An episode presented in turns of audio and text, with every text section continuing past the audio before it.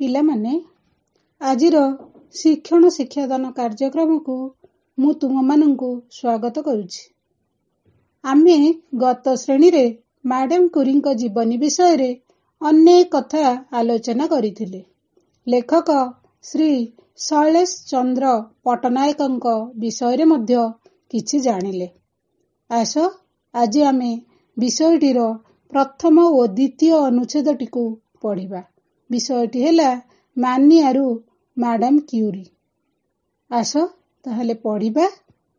ଅନ୍ଧାର ରାତିରେ ଟେବୁଲ ଉପରେ ଥୁଆ ହୋଇଥିବା ଗୋଟିଏ ହାତବନ୍ଧା ଘଡ଼ିକୁ ଲକ୍ଷ୍ୟ କର।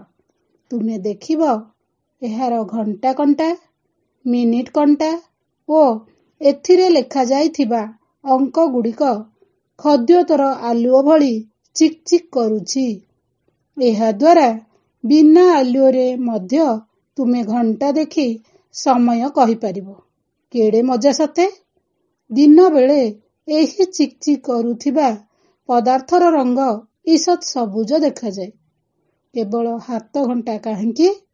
କାନ୍ଥ ଘଣ୍ଟା ଓ ଟେବୁଲ ଘଣ୍ଟାର କଣ୍ଟା ଏବଂ ତାହାର ଅଙ୍କଗୁଡ଼ିକ ମଧ୍ୟ ଅନ୍ଧାରରେ ଚିକ୍ ଚିକ୍ କରେ। ଏହି ଇଷତ୍ ସବୁଜ ରଙ୍ଗର ପଦାର୍ଥଟି ହେଉଛି ରେଡିୟମ୍। ରେଡିୟମ୍ ଗୋଟିଏ ଅତ୍ୟନ୍ତ ମୂଲ୍ୟବାନ ଓ ତେଜସ୍କ୍ରିୟ ଧାତବ ପଦାର୍ଥ। ଏହାକୁ ଉଦ୍ଭାବନ କରିଥିଲେ ମ୍ୟାଡାମ କ୍ୟୁରି ନାମକ ଜଣେ ମହିୟସୀ ମହିଳା ଓ ତାଙ୍କ ସ୍ୱାମୀ ପେରି କ୍ୟୁରି। ଏଥିପାଇଁ ସେ ଦୁହିଁଙ୍କୁ କମ୍ ଶ୍ରମ ସାଧନା ଓ ତ୍ୟାଗ କରିବାକୁ ପଡ଼ିନଥିଲା। ସେହି ଶ୍ରମ ଓ ସାଧନାର ଅମୃତ ଫଳ ଆଜି ସମଗ୍ର ଜଗତ ଭୋଗ କରୁଛି। ଏହି ଉଦ୍ଭାବନ ନିମନ୍ତେ ସେ ଦୁହିଁଙ୍କୁ ଉଣେଇଶହ ତିନି ମସିହାରେ ନୋବେଲ ପୁରସ୍କାର ପ୍ରଦାନ କରାଯାଇଥିଲା। ପିଲାମାନେ ଏବେ ଆସ।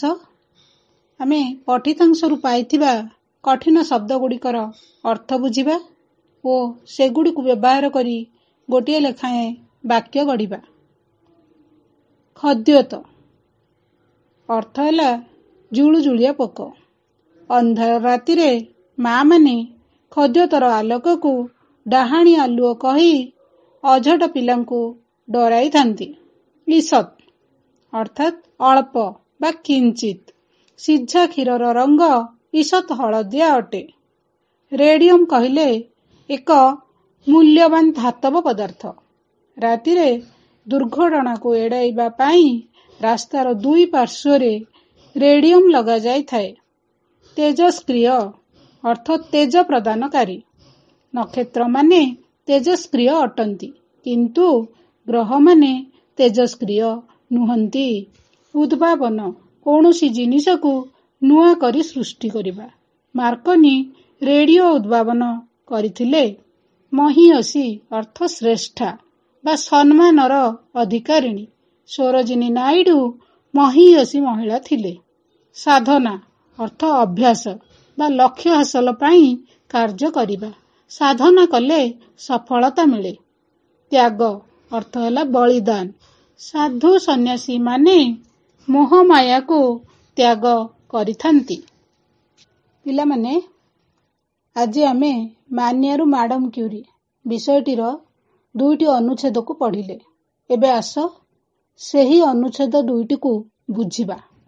ଅନ୍ଧାର ରାତିରେ ହାତ ଘଣ୍ଟା ଟେବୁଲ ଘଣ୍ଟା କିମ୍ବା କାନ୍ଥରେ ଟଙ୍ଗା ଯାଇଥିବା ଘଣ୍ଟାକୁ ଯଦି ଆମେ ଦେଖିବା ସେଥିରେ ଥିବା ଘଣ୍ଟା କଣ୍ଟା ମିନିଟ କଣ୍ଟା ଓ ଲେଖାଯାଇଥିବା ଅଙ୍କ ଗୁଡ଼ିକ ଚିକ୍ ଚିକ୍ କରୁଥିବାର ଆମେ ଦେଖିପାରିବା। ସେଗୁଡ଼ିକ ଜୁଳୁଜୁଳିଆ ପୋକର ଆଲୋକ ଭଳି ଚିକ୍ ଚିକ୍ କରୁଥାଏ। ଦିନରେ ଆମେ ଯଦି ତାକୁ ଦେଖିବା ସେଗୁଡ଼ିକ ଇଷତ୍ ସବୁଜ ରଙ୍ଗ ଦେଖାଯିବ। ଏବେ ଆମ ମନରେ ପ୍ରଶ୍ନ ଉଠେ ଏ ଚିକ୍ ଚିକ୍ କରୁଥିବା ପଦାର୍ଥଟି କ'ଣ? ଏ ଚିକ୍ ଚିକ୍ କରୁଥିବା ପଦାର୍ଥଟି ପିଲେ ରେଡିୟମ୍। ଏହା ହେଉଛି ଗୋଟେ ମୂଲ୍ୟବାନ ତେଜସ୍କ୍ରିୟ ଧାତବ ପଦାର୍ଥଟିଏ। ଏହାକୁ ମ୍ୟାଡାମ କ୍ୟୁରି ଆଉ ତାଙ୍କ ସ୍ୱାମୀ ପେରି କ୍ୟୁରି ଉଦ୍ଭାବନ କରିଥିଲେ। ଏହି ଉଦ୍ଭାବନ କରିବା ପାଇଁ ତାଙ୍କୁ ବହୁତ ପରିଶ୍ରମ କରିବାକୁ ପଡ଼ିଥିଲା। ଏହି ଉଦ୍ଭାବନ ପାଇଁ ଉଣେଇଶହ ତିନି ମସିହାରେ ସେମାନଙ୍କୁ ନୋବେଲ ପୁରସ୍କାର ଦିଆଯାଇଥିଲା। ପିଲାମାନେ ମହିୟାନରୁ ହୋଇଛି ମହିୟସୀ। ସେହିପରି ଗରିଆନରୁ କ'ଣ ହବ କହିଲ? ହଁ ଗରିୟସୀ। ମହିୟାନରୁ ମହିୟସୀ। ଗରିଆନରୁ ଗରିୟସୀ ମୂଲ୍ୟରୁ ହୋଇଛି ପିଲାମାନେ ମୂଲ୍ୟବାନ। ସେହିପରି ନିମ୍ନ ଶବ୍ଦ ଗୁଡ଼ିକରୁ କ'ଣ ହେବ ଲେଖ। ଗୁଣରୁ ଧନରୁ ରୂପରୁ ଜ୍ଞାନରୁ ନୀତିରୁ ପୁଣ୍ୟରୁ ପ୍ରତିଭାରୁ ଦୟାରୁ ଚରିତ୍ରରୁ। ମୂଲ୍ୟରୁ ହୋଇଛି ମୂଲ୍ୟବାନ। ଠିକ୍ ସେହିପରି ଗୁଣରୁ ଗୁଣବାନ। ଧନରୁ ଧନବାନ।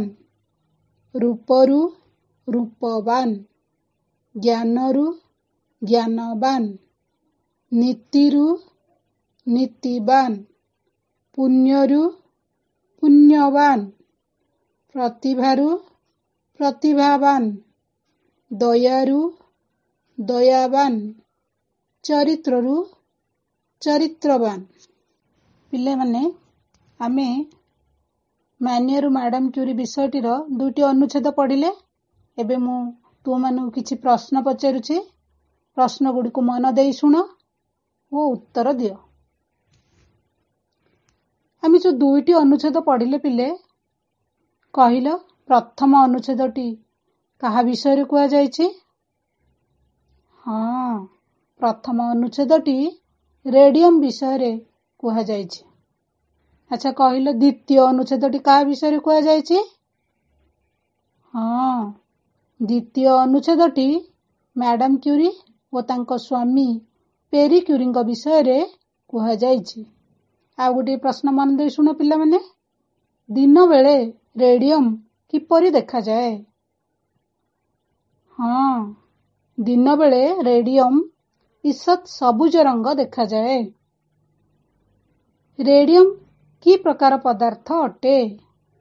ହଁ ପିଲାମାନେ ରେଡିୟମ ଏକ ମୂଲ୍ୟବାନ ତେଜସ୍କ୍ରିୟ ଧାତବ ପଦାର୍ଥ ଅଟେ। ଆଉ ଗୋଟେ ପ୍ରଶ୍ନ ମନ ଦେଇ ଶୁଣ ପିଲାମାନେ କ'ଣ ପାଇଁ ମ୍ୟାଡାମ କ୍ୟୁରି ଓ ତାଙ୍କ ସ୍ୱାମୀଙ୍କୁ ନୋବେଲ ପୁରସ୍କାର ମିଳିଥିଲା। ହଁ। ରେଡିୟମର ଉଦ୍ଭାବନ ପାଇଁ ମ୍ୟାଡାମ କ୍ୟୁରି ଓ ତାଙ୍କ ସ୍ୱାମୀଙ୍କୁ ନୋବେଲ ପୁରସ୍କାର ମିଳିଥିଲା। ନୋବେଲ ପୁରସ୍କାର ସେମାନଙ୍କୁ କେବେ ଦିଆଯାଇଥିଲା? ଉଣେଇଶହ ତିନି ମସିହାରେ ସେମାନଙ୍କୁ ନୋବେଲ ପୁରସ୍କାର ଦିଆଯାଇଥିଲା।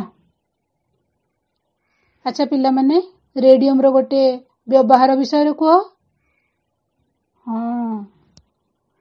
କ୍ୟାନ୍ସର ରୋଗୀମାନଙ୍କୁ ରେଡିୟମ ସାହାଯ୍ୟରେ ଚିକିତ୍ସା କରାଯାଏ। ପିଲାମାନେ ବହୁତ ସୁନ୍ଦର ଆନ୍ସର ଦେଲ। ଆମେ ପରବର୍ତ୍ତୀ ସମୟରେ ଆଉ କିଛି ଅଧିକା ପଢିବା। ଆଜି ପାଇଁ ଏତିକି। ଧନ୍ୟବାଦ ପିଲାମାନେ।